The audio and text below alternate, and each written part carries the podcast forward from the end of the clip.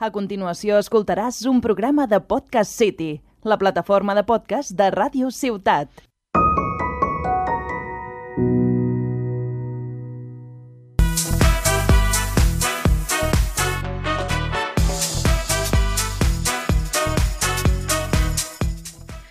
Hola y bienvenidos a Cocinando la Vida, un podcast conducido por Paula y Ana, donde hablaremos de los ingredientes esenciales para cocinar la receta de la vida, buenos alimentos, ricos pensamientos y felices momentos.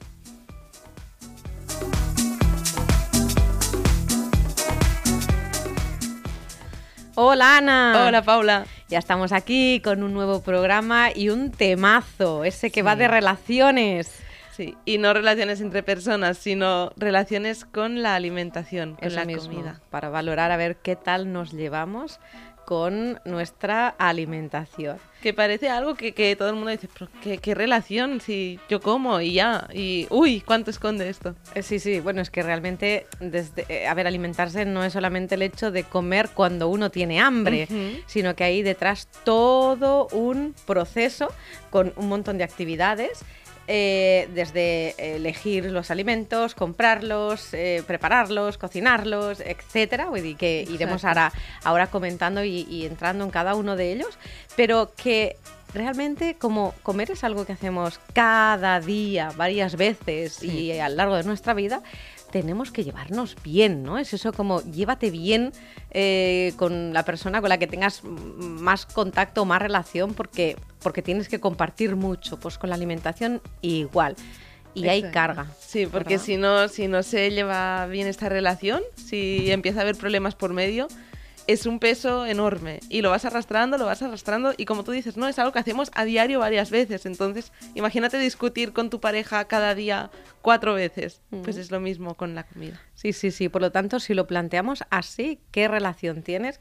Lo podemos ir analizando, ir desglosando, que es lo que vamos a hacer ahora para que eh, los oyentes, las personas que estén ahora mismo escuchándonos, puedan identificar dónde está el problema de esa relación, ¿no? ¿Qué es lo que les carga, qué es lo que molesta, qué es lo que no tienen bien atado, bien gestionado, ¿vale? Vamos a ello. Vamos.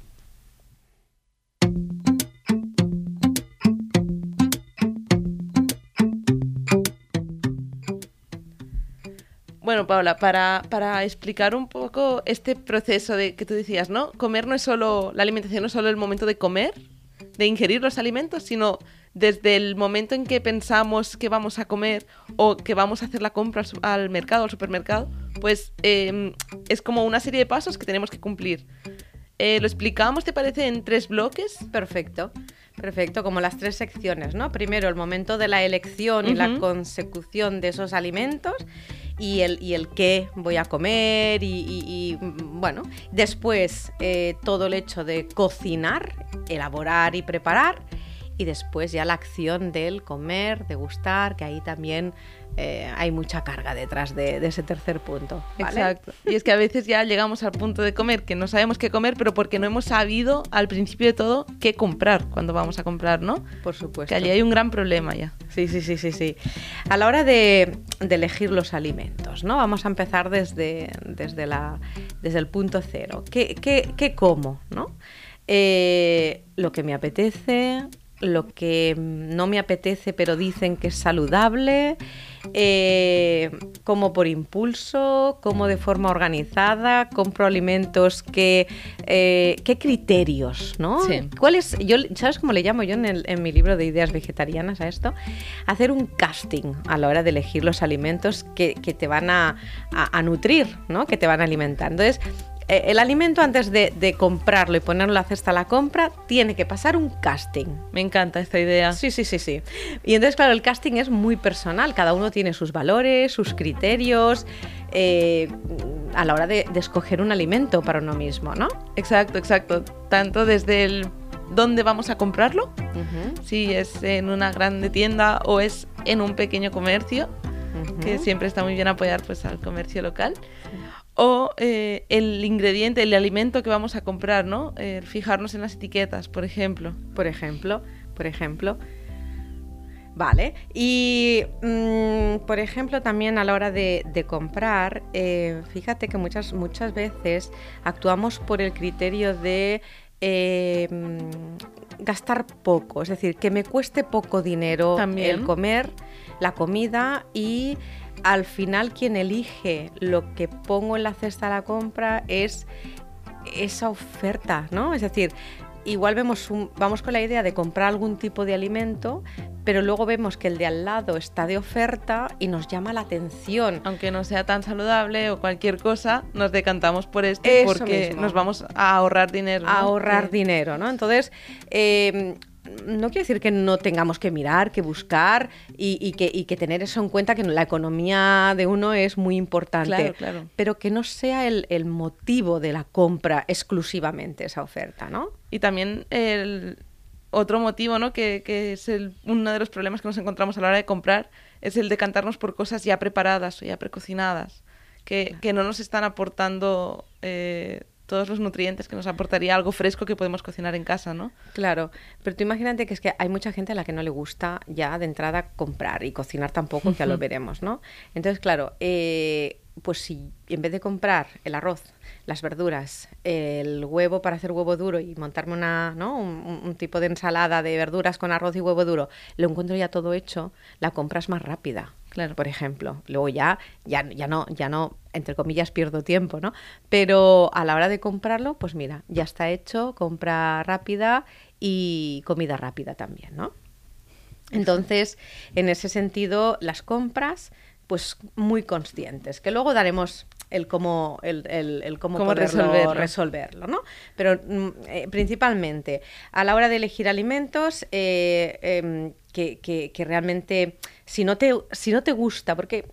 A ver, el, el tema de es que no me gusta ir a comprar, pero después resulta que inviertes mucho tiempo comprando porque no lo tienes bien organizado, eso también es un hándicap que te puede llegar a cargar. Exacto. ¿no? Y conozco clientas que me comentan, dicen, no, no, a mí no me gusta comprar, pero compro el pan aquí, la verdura allí. Bueno, pues si no te gusta comprar, o lo puedes centralizar o organizarte. Ahora lo y no comprar un poquito cada día, que ahora lo Exacto. ¿no? Muy bien. Luego llegamos con la compra, eh, que ya no nos ha gustado hacer la compra y nos ponemos a cocinar, ¿no? Y a preparar los alimentos, cuando tampoco nos gusta cocinar. Claro. O no tenemos tiempo de cocinar o nos faltan ideas para cocinar. Eso mismo, esos son los tres eh, problemas con los que nos podemos encontrar ahí, que estemos enganchados con la alimentación, como tú has dicho, ¿no? El no, el no gustar, el no tener tiempo, el no saber, me faltan ideas.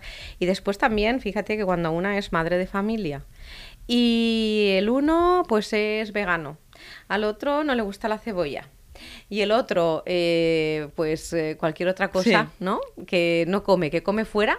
Eh, claro, es o cocinar para que no lo coman, o cocinar para que no guste, o, o muchas, muchas personas hacen varios menús. Entonces imagínate Y qué terminas carga. cocinando, exacto. Que ya ni te gusta cocinar y cocinas para cuatro o para cinco. Eso mismo, o sea, es una, una carga impresionante, ¿no? Y cuando gusta y es un placer porque desarrollas la creatividad ese ratito en la cocina, pues cocina cada día. Y siempre digo, una Claro. cosa a la que te encante hacer, tienes que hacerla cada día. Pero cuando no gusta, puedes organizarte, que ahora también hablaremos del Sí. qué y del cómo. Pero hay muchas personas que no les gusta y no caen en el poder mm, no cocinar cada día, que es posible. Exacto. ¿Vale? Que ahora explicamos. Y luego vamos a comer, que aquí está la gran importancia, el, el- el mayor conflicto de, de nuestra relación con la comida, ¿no? Sí.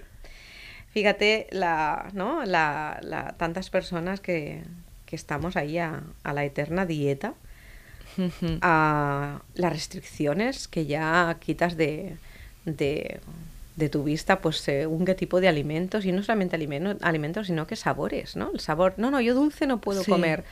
A ver, no, no, sabores tenemos que poder degustarlos Sí. todos.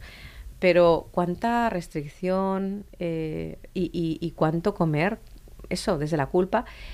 Y restricciones que luego se convierten en conductas compulsivas, de, de me estoy restringiendo, pero llevo tanta, tanta prohibición y tanto no, no, no, no, no, que cuando pruebas algo es que no tienes límite. Y entonces cuando vienen los atracones y, y se generan unos bucles que pueden derivar en trastornos alimentarios muy graves.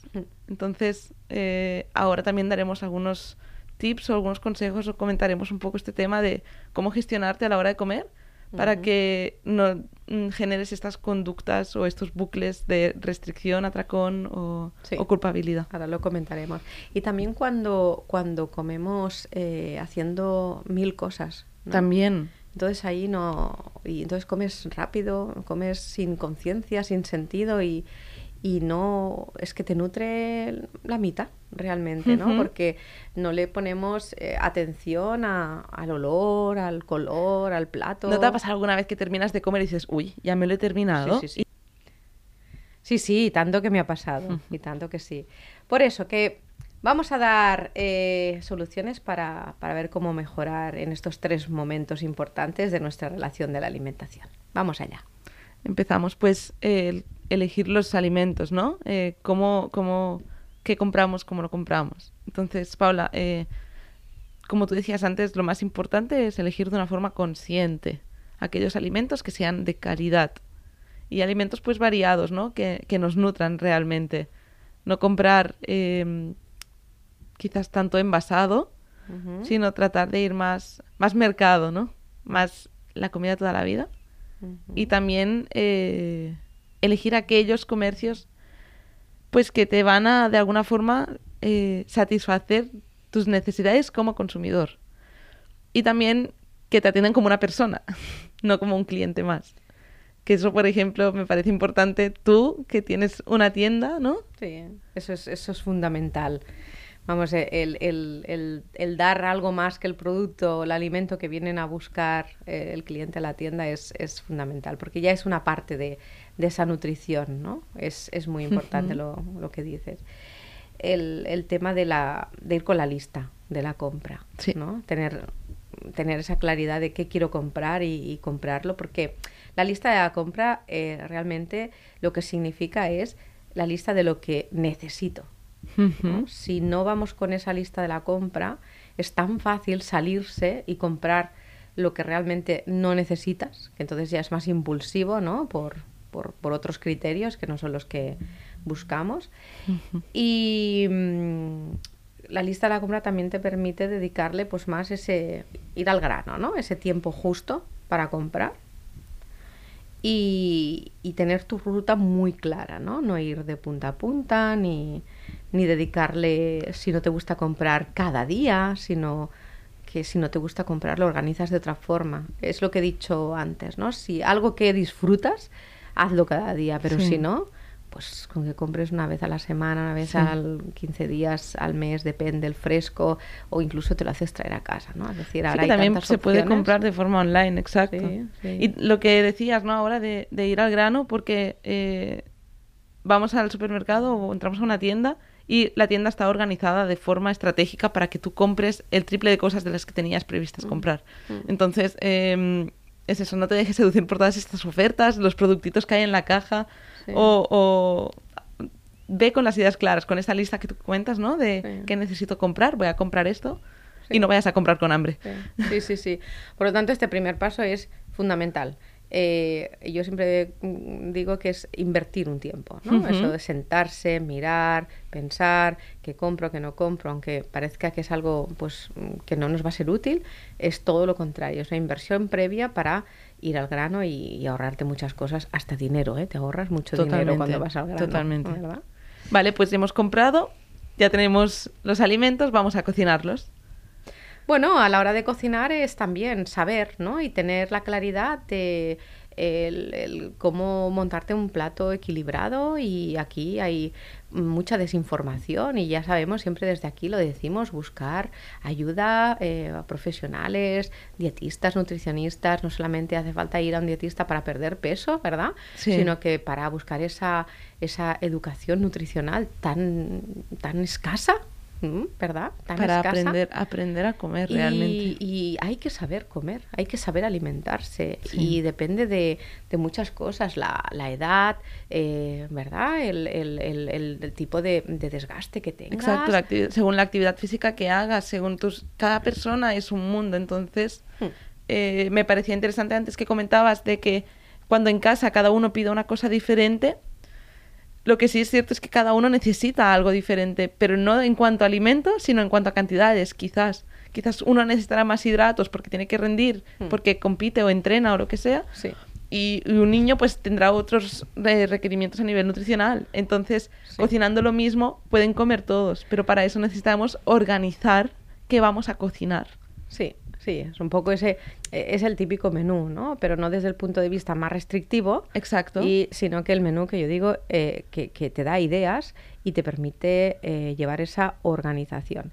Ante esto que comentabas de las diferentes necesidades en los miembros de la familia, yo lo que siempre aconsejo a los clientes es hacer un menú base y entonces modelarlo y moldearlo según la necesidad de la persona, el gusto o el criterio, ¿vale? Por ejemplo, si tú dices o haces verdura, eh, imagínate judía con patata, Sí. tan típica, y eh, huevo duro, por decir algo, pues a la persona que es vegana, esa alternativa al huevo duro, pues también tenerla eh, ya contemplada, ¿no? No que sean luego todo demandas, quejas, Exacto. porque si no también hay ahí detrás de, de esa, de ese momento de, de preparar la comida, Genera un desgaste muy grande. desgaste y después también disgusto, ¿no? Porque en vez Ujú. de, de- de recibir un ay, qué bien, gracias, porque hay un, un trabajo detrás de esa elaboración, pues te llevas un, un reproche, ¿no? Entonces, eh, pues que la misma persona que quiera esa modificación, ya bien sea por el motivo que sea, ¿eh? por necesidad o por gusto de que quiera cambiar el menú,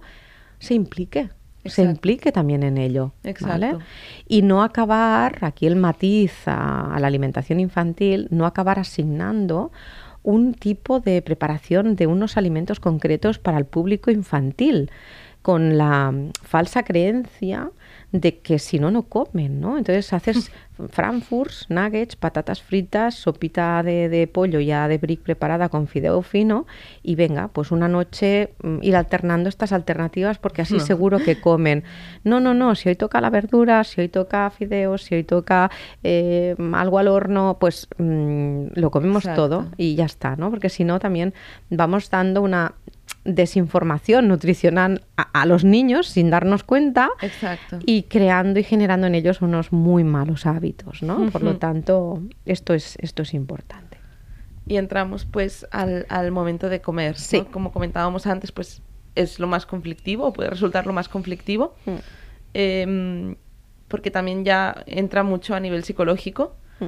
Em, y creo que en este punto es muy importante el tener un orden, tener un, un- un equilibrio, unos horarios em, y planificarte para que no te falte ningún tipo de nutriente tener muy claro lo que vas a comer en cada momento. No decir voy a comer 30 gramos de no sé qué No, no. y 120 de pechuga, no. Sino em, tratar de que haya pues eh, todos los macronutrientes en tu plato, ¿no? El típico plato de Harvard. Mm. eh, que sean platos llenos de color. Y sobre todo siento que para mí, y, y- y que he estado lidiando muchos años con temas de trastornos alimentarios, el tema de no restringir. Mm. Porque sí que es cierto que hay movimientos de no comas esto, o está prohibido comer esto, o dietas que se ponen de moda, o no sé, que si la keto, que si cualquier cosa. Sí. No nos vayamos a esto. O sea, comamos de todo, Mm. Busquemos un equilibrio y sobre todo evitemos las restricciones o las prohibiciones, porque aquí es cuando entramos en, en lo que hablábamos antes de la culpa, el remordimiento, Mm. y esto solo nos genera un bucle y, y- y, mm, sentimientos y em- emociones negativas ante la comida. Los de maravilla. Ya, yo creo que está, está todo dicho, ¿no? Es decir, eh, hay que disfrutar comiendo, Sí. ¿vale? Desde un criterio, desde una elección, Hmm. desde un yo decido hacer esto porque Exacto. me aporta tal nutriente, tal otro y me va bien para mi sistema X. Es decir, tiene que haber un sentido a lo que estás haciendo Exacto. y no comer mm, por comer, ni comer de forma compulsiva, ni comer porque hay un hambre detrás que no es un hambre real, sino que puede haber un hambre emocional detrás. Y bueno, depende del nivel en el que te encuentres, depende de lo que haya resonado ¿no? en el momento de escucharnos. Eh, yo, es que, yo es que he aprendido tanto de, profesionales, en mi propio caso, ¿eh? porque al final acabas comiendo como, como han comido en casa siempre, ¿no? Imitando patrones, conductas que igual no te pertenecen, sino que vas arrastrando, eh, bueno, pues de muchas generaciones maneras de comer y los pucheros y el amor y, ¿no? La emoción en aquella cuchara, aquel pucherito y dices, bueno, no, ahora toca mm, comer desde mi elección, ¿no? Y alimentarme en función de lo que yo de lo que yo pienso. Y tratando de ser un poco intuitivo, lo que decías ahora, ¿no? De mm. tengo hambre o es hambre emocional. Y muchas veces, sobre todo si se viene de trastornos alimentarios y se está en ellos, no identificas el hambre y no sabes de qué tienes hambre o si tienes hambre o estás comiendo para tapar mm, porque te sientes enfadado, porque te sientes triste o porque estás llenando un vacío. No sabes, no lo identificas. Pero es hacer este ejercicio, ¿no? De por qué estoy ahora mismo en la cocina o que estás aburrido y te levantas a la nevera ¿qué voy a buscar aquí, no? ¿Por qué estoy comiendo ahora? Y si en aquel momento te apetece comer, pues comes. Pero como decías tú, porque lo eliges. Así que... Por lo tanto, vamos a intentar llevarnos bien con nuestra alimentación, que, que, es todo un proceso, con un montón de actividades, y vamos a ver dónde ajustar para, para que todo sea fluido y disfrutar. Disfrutarlo.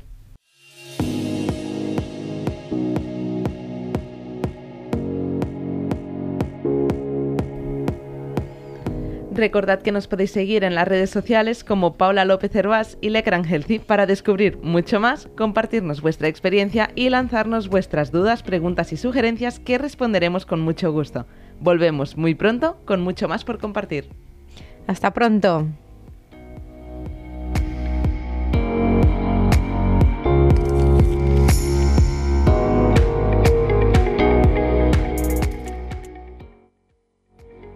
Has escoltat un programa de Podcast City, la plataforma de podcast de Ràdio Ciutat.